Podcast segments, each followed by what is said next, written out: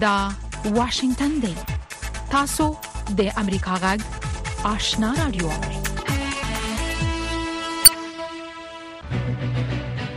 قدرمن اوریدونکو السلام علیکم زه شافیا سردار یم دا د امریکا جغ آشنا رادیو خبرونه پیل شوه لومړی به خبرونه واوري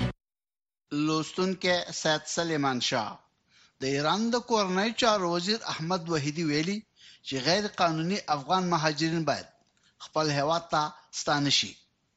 وحیدي یو ځلې بیا په هغه هېواد کې د قانوني اسناد لرونکو افغان مهاجرینو په ستنېدو باندې ټینګار کړی او وایي چې نور کډوال باید هم د یو منظم پروګرام په ترڅ کې خپل هېواد ته ولېږل شي چې د نوموړي په وینا د خپل هېواد په ابادولو کې ونډه واخلي. د طالبانو د حکومت د مهاجرینو او ستنېدونکو چارو وزارت شمېرنه ښيي چې په تېرو اوو ورځو کې نږدې یوولس زره افغانان په جبري توګه او یا په داوطلبانه ډول له ایران نه افغانستان ته شړل شوي دي چې اکثریت یې ښځې او ماشومان دي. د افغانستان، سیمې او د نړۍ خبرونه له امریکا غږ واشنګټن نه اورئ. لږ تر لږه پنځلس کسان د چین په ختیځ کې په یوه څو پوړیزه ودانۍ کې د اور د لګېدو په پېښه کې وژل شوي دي. چارواکي وايي چې د اور د لګېدو په دغه پېښه کې پنځه څلوېښت کسان ټپیان شوي دي. د چین دولتي تلویزیون د نانجینګ د ختیځ ښار د چارواکو په نقل قول پرون د شنبې په ورځ رپوټ ورکړ، په دغه څلور دېرش پوړیزه ودانۍ کې اور سهار وختي ولګېده او وجه یې په یوه برقي بایسکل کې د اور لګېدل ښودل شوي. په داسې حال کې چې پرون د شنبې په ورځ د حوت په پنځمه په یوکراین باندې د روسیې د بشپړ نظامي یرغل دوه کاله پوره شو، یوکرایني چارواکي وايي چې دغه هېواد د اوډېسې په ښار باندې د روسیې د یوې بې پیلوټه ډرون الوتکې په برید کې یو کس وژل شوی او څو تنه نور ټپیان شوي دي. د یوکراین پوځ وايي چې څو فرونده نور ډرونونه یې وویشتل. دا وروستۍ حمله په داسې حال کې وشوه چې د لوېدیځې نړۍ مشران د یوکراین په پایتخت کیف کې د روسیې د یرغل د دویمې کلیزې د لمانځلو په منظور راجمع شوي وو. په دغه ډله کې د اروپايي کمیسیون رئیسه مېرمن اورسلا ون ډېر لېن، د ایټالي صدراعظمه ګیورجیا میلاني، د بلجیم صدراعظم الکساندر ډیکرو او د کاناډا صدراعظم جسټن ټروډو شامل وو. د ناټو عمومي منشي ینز سټولتنبرګ د یوکراین له متحدینو نه وغوښتل چې بې زړه کېږي دې نه. سټولتنبرګ په دې موقع په خپل پیغام کې ویلي چې د جنګ په ډګر کې وضعیت جدي دی او پر یوکراین باندې د برلاسي د موندلو لپاره د جمهور رئیس پوتین اصلي موخه نه ده بدله شوې او داسې نښې او نښانې هم نه ښکاري چې ګوندې نوموړی به سولې ته غاړه کېږدي. متحده ایالاتو او اروپايي اتحاد چې د جمعې په ورځ پر پنځه سوه افرادو او شخصي کمپنیو باندې چې له روسیې سره د یوکراین په جنګ کې مرسته کوي بندیزونه لګولي په دې جمله کې ګڼ شمېر چینايي شرکتونه هم شامل دي. زیاتره دا افراد له چین نه او یا له هانګ کانګ نه راساً د روسیې پوځ ته نظامي اکمالات رسوي. څو کمپنۍ چې له قزاقستان، ترکیې او متحده عربي اماراتو نه سربستان، سریلانکا او ترکیې نه فعالیت کوي هم په نښه کړل. په عین وخت کې د کمپیوټري چیپونو د نړۍ غټ شرکت د تایوان سیمي کنډکټر مینوفکچرینګ کو پرون د شنبې په ورځ د لومړي ځل لپاره په جاپان کې خپله یوه نوې فابریکه پرانیستله. امریکايي موټر جوړونکو د متحده ایالاتو پر حکومت غږ کړی دی چې له مکسیکو نه دې د چین ساخت د موټرو د پرزه جاتو په واردولو بندیز ولګوي. د ملګرو ملتونو په یوه تازه رپوټ کې د سوډان په کورني جنګ کې دخیلو خواو باندې د بشر په ضد د جرمونو الزامونه لګول شوي دي. دا رپوټ چې د ملګرو ملتونو د بشري حقوقو دفتر خپور کړی، په جنګ کې ښکېلې خواوې په پراخه پیمانه د ملکیانو پر خلاف د جرمونو او په بوږنوونکو سرغړونو تورن شوي دي. د سوډان په وسلوالو ځواکونو او د چټک حرکت ملاتړ په ځواکونو باندې تور لګول شوی دی چې لږ تر لږه څلور زره او شپږ سوه ملکیان یې وژلي او په جبري توګه یې له اتو میلیونو نه زیات خلک د سوډان دننه او یا ګاونډیو هېوادونو ته په تېښته اړ کړي دي.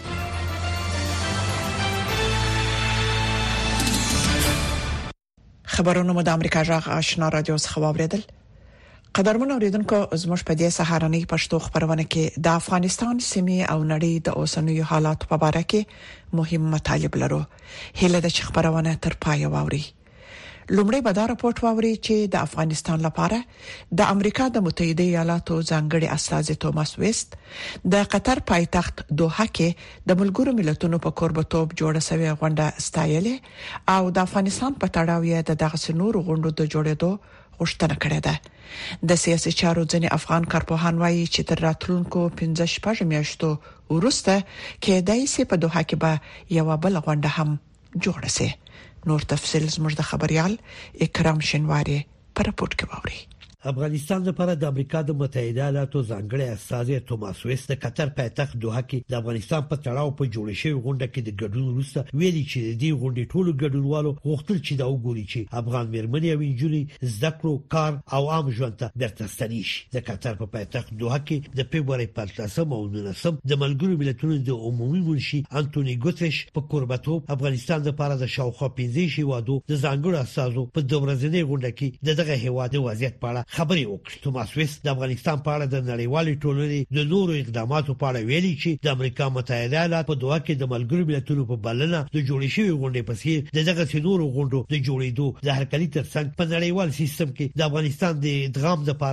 د ملګرو ملتونو په مشرۍ د بهیر په ترڅ کې د لارې د نقشې د ترتیبولو غوښتنه هم کړې ده ښاغلي ویس ویلي چې د افغانانو خیرښېګڼه او د نړیوالې ټولنې ګډې ګټې باید دغه کار لارښود وسي د سیاسي چارو یو کارپوه طارق برهادي وایي چې کېدای شي تر راتلونکو شپږ میاشتو بیا په قطر کې د افغانستان په تړاو یو بل غونډه جوړه شي ښاغلی برهادي هیله لري چې په بل غونډه کې به د طالبانو حکومت استازي هم برخه واخلي طالبان متوجه شدن که با اشتراک نکردن در دوحه تقریبا حقیقت خود یک گل زدن اگر یک اصطلاح فوتبال استفاده کنیم بخاطر که در اوج دیدیم که چقدر نماینده های دیگر کشورها بین هم ملاقات های داشتن و با هم دیگر ملاقات ها داشتن طالبان تنها از خاطر سه چهار نفر نمایندگان جامعه مدنی در حقیقت بسیار ملاقات های دیگه از دستشان رفت که علاقمند بودن که او را می داشتن و حتی سرمونچی هم به یک شکل دیگه اینا را می دید اگر در دوحه حضور می داشتن حال هم سرمونچی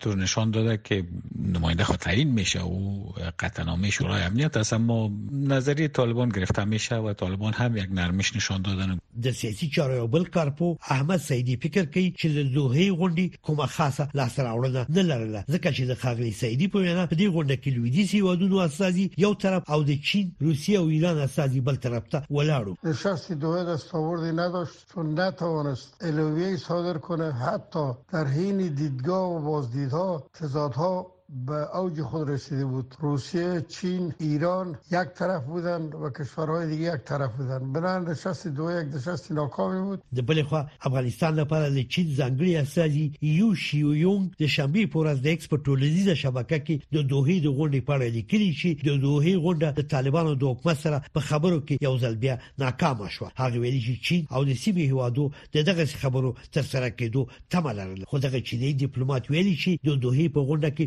په ټولو هغه اندېښنو باندې خبرې شوې چې افغانستان بیا د تروریستي ډلو په پټنځي بدل نشي د ملګرو ملتونو عمومي منشي انټونی ګوتریش په قطر کې د افغانستان په اړه د غونډې په وروستۍ ورځ ویل چې د یو ځانګړي استاد د ګمارلو په اړه سلا مشورې پیلې چې طالبان حکومت او نړیوال ټولنې ترمنځ چاري تنظیم هغه ویل چې طالبانو ته په غونډه کې د ګډون بلنه ورکړې و خو هغه بلنه ونه منله ښاغلي ګوتش هیله وښوده چې د طالبانو استازي به په راتلونکي کې په دا ډول نورو غونډو کې ګډون وکړي طالبانو په دې غونډه کې د دې ګډون لپاره یو لړ شرایط ټاکلي وو چې د ښاغلي ګوتش په وینا ملګرو ملتونو ته د منلو نه وو د ملګرو ملتونو عمومي منشي د دوحې دا غونډه ډیره مثمره وبلله او د دې غونډې د جوړېدو د هدف په اړه یې ویل چې یو سوله ییز افغانستان غوښتونکي یو داسې افغانستان چې هم له ځان او له خپل ګاونډیانو سره په سوله کې وي او د یو ملي حکومت لرونکي هیواد په توګه د خپل نړیوالو ژمنو عملی کولو توان ولري انتظار پای ته ورسید ترنو لیدونکو او اوریدونکو تاسو کولی شئ د امریکا غا ټلویزیونی او رادیوي خبرونه د یاشر ساتلایت له طریقو وګورئ او واورئ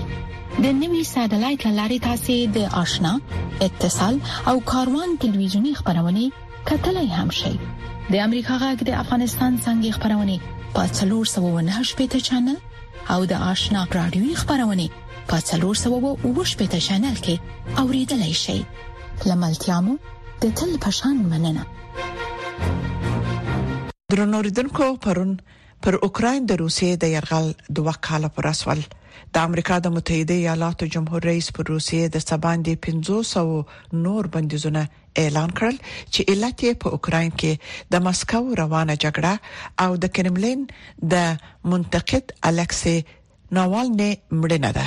په ورته وخت کې جو بایدن د امریکا په کانګرس کې له استادو جرګې غوښتنه وکړه د کیف لپاره د مالی مرستې غوښتل شوی بسته تصویب کړي نور حال پر رپورت کې واوري د اوکرين دفاعي ځواکونه د روسیې د يرغلګرو پوځیانو د پښاتنبولو هڅه کوي د جمعې په ورځ د امریکا ولسمشر جو بایدن پر روسیې 1500 تازه بندیزونه لګولې دي دا بندیزونه پر هغو روسي ادارو او اشخاصو باندې لګول شوې دي چې پر اوکراین د روسیې د برید او د روسیې د اپوزیسیون د پخواني مشر الکسي ناوالني په بندي کولو او مرګ کې لاس لري. پوتین فکر کولو چې دی په اسانۍ د اوکراین د خلکو ارادې بدلولی شي، له دې امله هغه پر اوکراین برید وکړو. دوه کاله وروسته پوتین اوس هم غلط دی، اوکراین اوس هم کلک ولاړ دی، اوکراین اوس هم ازاد دی او د اوکراین ولس اوس هم د پوتین د سخت وحشت پر وړاندې مات شوی نه دی. ولسمشر بایدن وایي چې د تیرې پنځشنبه په ورځ یې په کالیفورنیا کې د الکسی ناوالنی د کونډې او لور سره ولیدل بایدن وایي هغه ته ډاټ ورکړای چې پوتین به له روسیې د باندې پر نورو د بریدونو او په کور دننه د خلکو د شکنجه کولو بیا ورکړي ارجنټاین ته د یو سفر پر مهال د امریکا د بهرنیو چارو وزیر انټونی بلینکن د امریکا غږ یوې پوښتنې ته په ځواب کې وویل چې د ده په باور بندیزونه به د روسیې په اقتصاد، پوځ او د انرژۍ د سکتور پر عصري کولو اوږدمهاله اغېز ولري. بلینکن د ناوالني یادونه هم وکړه. موږ د ناوالني د مرګ په تړاو د درېیو کسانو پر وړاندې اقدام کوو، په دې کې د روسیې د زندانونو عمومي مشر، سیمه ییز مشر او د زندانونو د رئیس مرستیال شامل دي. بلخوا پوتین په مسکو کې د خپل پلرني ټاټوبي څخه د دفاع د ورځې په نوم په منځونو کې برخه واخیستله پوتین په خپل وینا کې هغه روسان د اصلي قهرمانانو په نوم یاد کړ او ویستایل چې په اوکرين کې جنگيږي ځینې خلک فکر کوي چې د روسیې په زندان کې د نوالني ناڅاپي مرګ ښيي چې پوتین کمزوری دی. زه فکر کوم که پوتین پر ځان باور درلودای، ناوالني به یې نه وای وژلی. زه فکر کوم دا د هغه چا کار دی چې ډارېږي. د روسیې ولسمشر ولادیمیر پوتین د خپل واک د بایللو څخه په ډار کې دی، ځکه که هغه واک وبایلي، مړ به شي. روسیه د نوالني مړینه طبیعي بولي. براوډر، پر روسیې د امریکا نوي بندیزونه وستایل او وی ویل چې روسیه اوس هم د پیسو د ترلاسه کولو یوې سرچینې ته لاسرسی لري. نو تر هغې چې روسیه د تیلو پلور ته د دوام ورکولو وړتیا ولري، دغه هیواد به توغندي او مهمات وپیرل شي او خپلو عسکرو ته به معاشونه هم ورکړی شي، جګړه به هم دوام وکړي. موږ تر اوسه په دې خبره سر نه دی خلاص کړی. او دا یوه معما ده. د امریکا په سنا مجلس کې د دموکرات ګوند مشر سناتور چک شومر د امریکایي سناتورانو د یوې ډلې سره د جمعې په ورځ اوکراین ته تللی.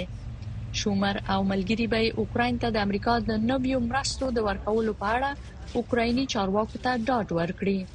دا په داسې حال کې ده چې د امریکا د جمهوریت غوښتونکو اکثریت لرونکي استازو جرګې لا له وړاندې اوکراین ته د امریکا 18 میلیارډ ډالر مرسته ځنډولې ده برېښنا عمرخیله د امریکا غږ واشنگټن متضاد اړخونه بیلابیل دریزونه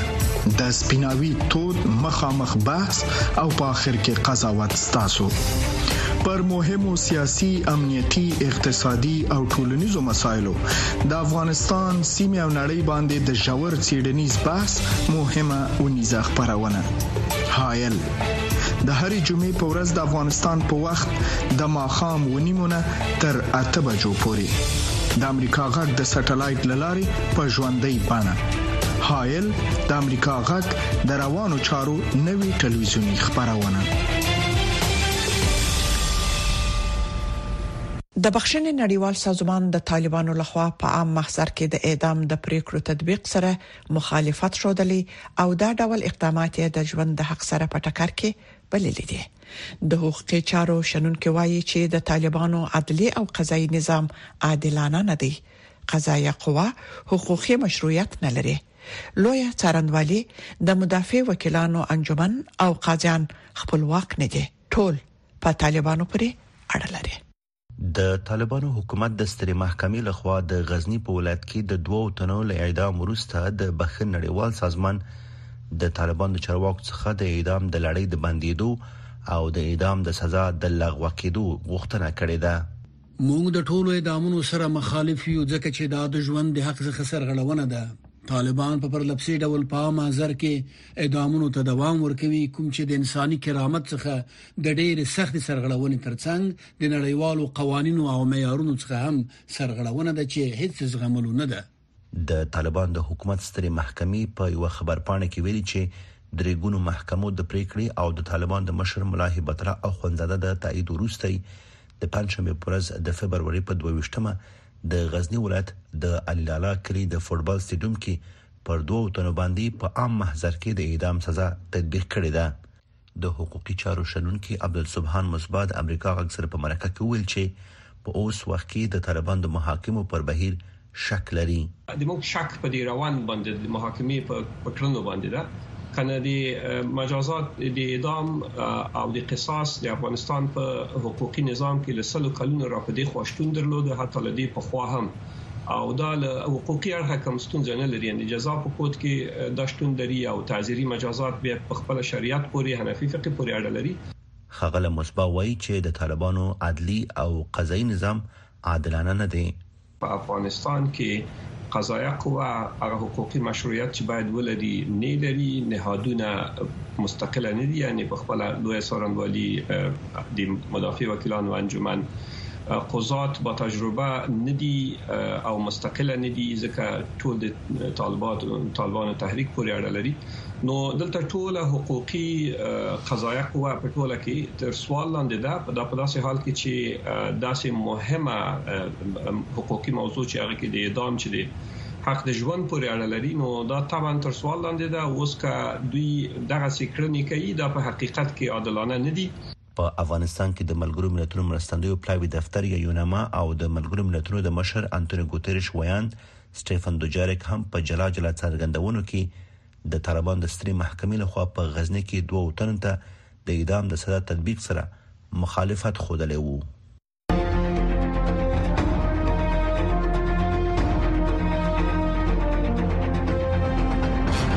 اتصال زموږ او ساسي پیوستون خبرونه چیرنی او خبرګونونه موثق معلومات او دقیق جزئیات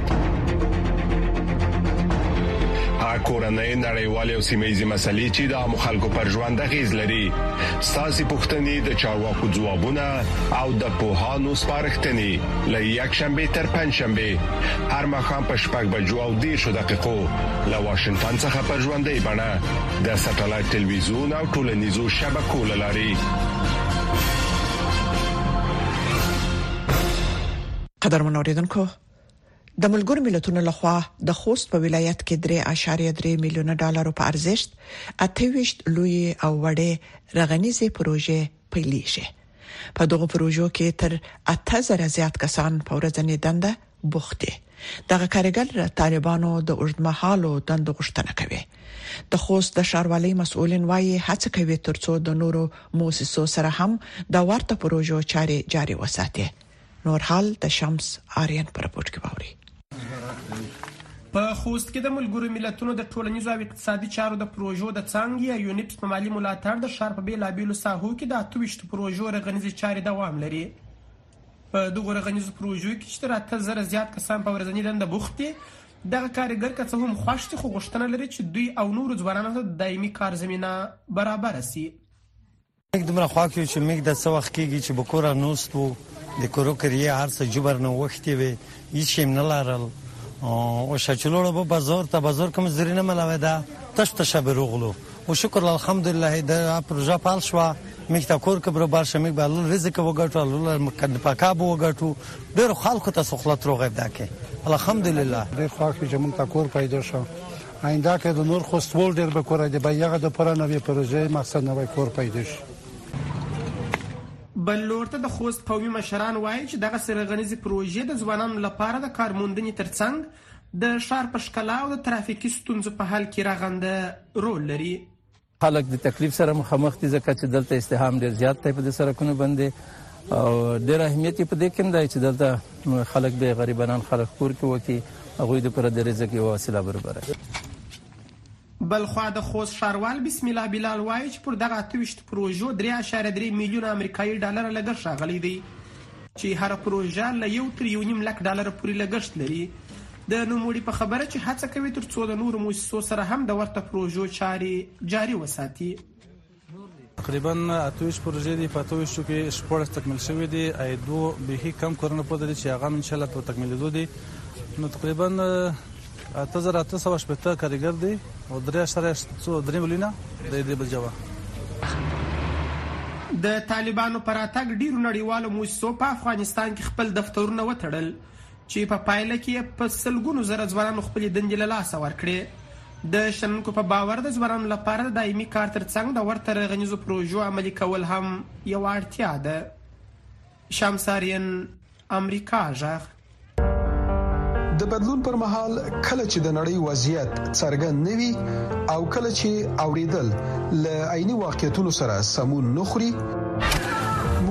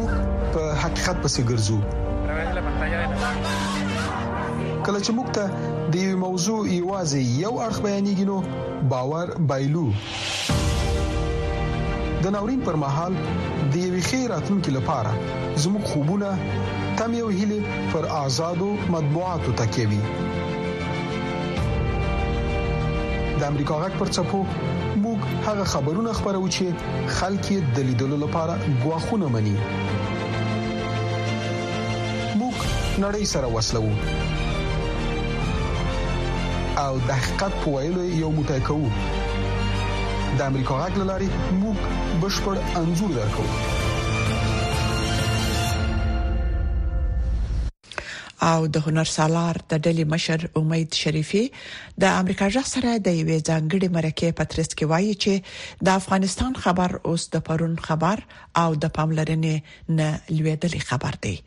نو دا د افغانانو د پاره تر ټولو حساس وخت دی چې له موقع څخه ګټه پورته کړي څو د افغان میرمنو ژغ او چت او نړۍ ور باندې خبره وساتي د هنرسالار ډلې په افغانستان کې د میرمنو سره د ملاتړ لپاره د افغان او امریکایي میرمنو شورا سره یو ځای نوې کمپاین پيل کړي دي چې وايي هدف يې دا دی چې د طالبانو له خوا پر زده کړو او د کار د بنديزونو څخه وروسته افغان مېرمنې خپلې هيلې له لاسه ورنکړي. دوی په امريکا کې د يوولسو پوهنتونونو په ګډې همکارۍ د افغان مېرمنو ملاتړ ته مټې نغښتي دي. زموږ همکارې شايستې سعادت لامې د اميد شريفي سره د مرکې په ترڅ کې لومړی د دې کمپاين پر جزياتو رڼا واچوله بسیار تشکر سلام به شما و همه کسایی که ما شما را میبینن قسمی که شما و مردم ما اطلاع دارن کارهای هنرسالار در افغانستان به صورت مداوم در ده سال گذشته ادامه داشته و به سلسله امی کارها و فعالیت ها به خصوص در قسمت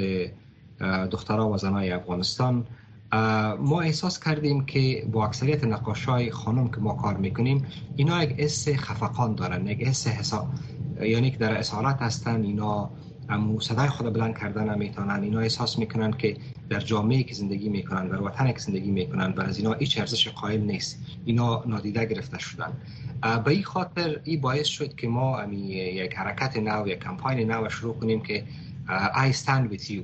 و این قسمی بود که در سال گذشته زمانی که روز نوروز بود 22 و 21 مارچ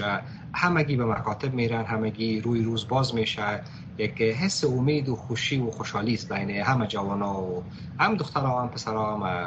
کل مردم افغانستان و من یادم میاد که در وقت چقدر خوشحال بودم ما که میرم مکتب میرم و همچنان خوارکای که ما پنج دانه خوار دارم نام خدا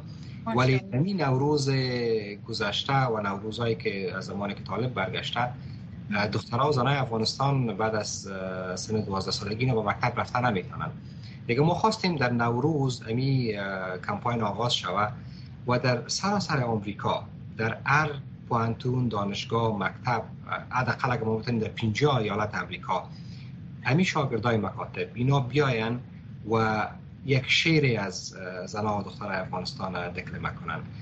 نقاشیهایی از اینا را به نمایش بگذارن در یک صنف درسی در مورد زنای افغانستان در مورد دستاوردهای زنای افغانستان صحبت کنند در مورد همین جندر اپارتاید که برش میگن حالت فیلی زنای افغانستان که است در از این صحبت کنند یک کمپاین عمومی و ملی در امریکا میشه که مردم از حالت زنای افغانستان به خوبی و بیشتر آگاه میشن. تاسو په افغانستان کې د ننه د هغو میرمنو سره چې په هنري فعالیتونو کې ونډه درلوده او فعال وي په تماس کې یاست هغوی تر ټولو زیات لڅ کړیږي او تر ټولو لوی ستونزه یې څه ده ما فکر میکنم شایسته جان کار که ما با نقاشای خانم فعلا میکنیم مستقیم با اینا در تماس هستیم صحبت میکنیم چیزی که اینا را زیاد رنج میده که اینا به عنوان شهروند درجه دو حساب میشن بله. اینا با تمام ظرفیت هایی که دختر خانمای افغانستان دارن با ما صادقانه و با اخلاص میگم که این نصف بهتر جامعه افغانستان بسیار صادقتر و متحدتر به افغانستان هستند اینا ظرفیت که افغانستان دارن برای ما در 20 سال گذشته نشان دادن اینا چقدر میتونن به جامعه خود به وطن خود به فامیل خود اینا خدمت کنن کمک کنند حسی که فعلا اینا دارن اینا را به عنوان یک شهروند درجه دو کسایی که فقط محصور به خانه های خود باشن اینا را طالب ها ساخته اینی حس است که اینا فقان میزنن شیون میکنن و ای را اکثریت نقاش های خانم که ما کار میکنن ای را روی کاغذ میارن یعنی شما ببینین زمانی که ما میبینیم یک نقاشی که یک دختر خانم افغان امو پر و بالش بسته شده امو غمی که از این نقاشی میه امو پیام که میته واقعا قلب آدم پاره می سازد بله شریفی صاحب تاسو مخکې د میرمنو د سنځو یادونه وکړه خو بل پښتنه از ما سره دا ده چې آیا فکر کوي چې تاسو د هلې ځلې به څه نتیجه هم ورکړي څه ګټه به ورسوي ځکه افغان میرمنې اوس ډېر زیات نه هلي شوې دي د هغو شمیر میرمنو سره چې موږ سره خبرې کوي هغوی وايي چې نړیوالې ټولنې موږ له یاده ایستلي یو په خاصه توګه متحده ایالاتو چې موږ سره یې د ملاتړ او مرستې ژمنه کړې وه هم افغان میرمنې له یاده ایستلي دي. شایسته جان ما فکر میکنم که ما هیچ وقت باید امو امید خود از دست ندیم ما باید هر زمینی که برابر میشه هر جایی که باشه ما باید آواز زنای افغانستان شیم اما آواز از اونا را بیشتر و بیشتر به گوش مردم دنیا برسانیم ما میفهم که دنیا قصه افغانستان خبر افغانستان خبر دیروز است کس دیگه قدر را در فکر ما نیست که سر زن و مرد افغانستان چی تیر میشه ظلمی که فعلا وجود داره کس و قدر دربارش صحبت نمیکنه ولی من فکر میکنم کسایی که ما در بیرون از افغانستان هستیم مثل اونر سالار مثل امید شریفی یا شایسته جان یا کسای دیگه ما یک مسئولیت داریم یک دین داریم که اونمو آوازهای افغانستانه اونمو دردهای افغانستانه بیاریم به دنیا و انقدر فریاد بزنیم تا گوشه از اینا باز شود من فکر میکنم یک بخش عمده مسئولیت که امروز زنای افغانستان این ظلم که میبینن مسئولیتش به امریکا هم برمیگرده که ما فکر میکنم اینا اگر ما با مردم امریکا در پانتونا در مکاتب رابطه برقرار کنیم او مردم درک ما میکنن ما فکر میکنم نظام آمریکا با مردم آمریکا فرق بسیار کلان داره و ما میتونیم از طریق مردم آمریکا از قریه و قصبه و مکتب و پانتون از اینا شروع کنیم و امو دادهای خوده بیشتر کنیم تا ما همون صدای خود رسانده بتونیم و به طالب می پایم رسانده میشه که ظلم تو دامدار نیست خداوند خودش گفته که علم فرض است نگفته که بر زن فرض نیست بر مرد فرض است مشخص نساخته و اینا کسی که من به ایمان اگر فرهنگ میگن انا میگن هر چیزی که دلیل میارن به نیم سه سال اخیر من فکر میکنم این فقط نشان میده که اینا چقدر مردم جاهل هستند نمیفهمند و چقدر اینا خود را یک نمونه و مثال بد در دنیا و اسلام ساختند د بدلون پر مهال کله چې د نړۍ وضعیت څرګند نه وي او کله چې اوریدل ل عیني واقعیتونو سره سمون نه خوري موږ په حقیقت پسې ګرځو کله چې موږ ته د یو موضوع یوازې یو اړخ بیانېږي نو باور بایلو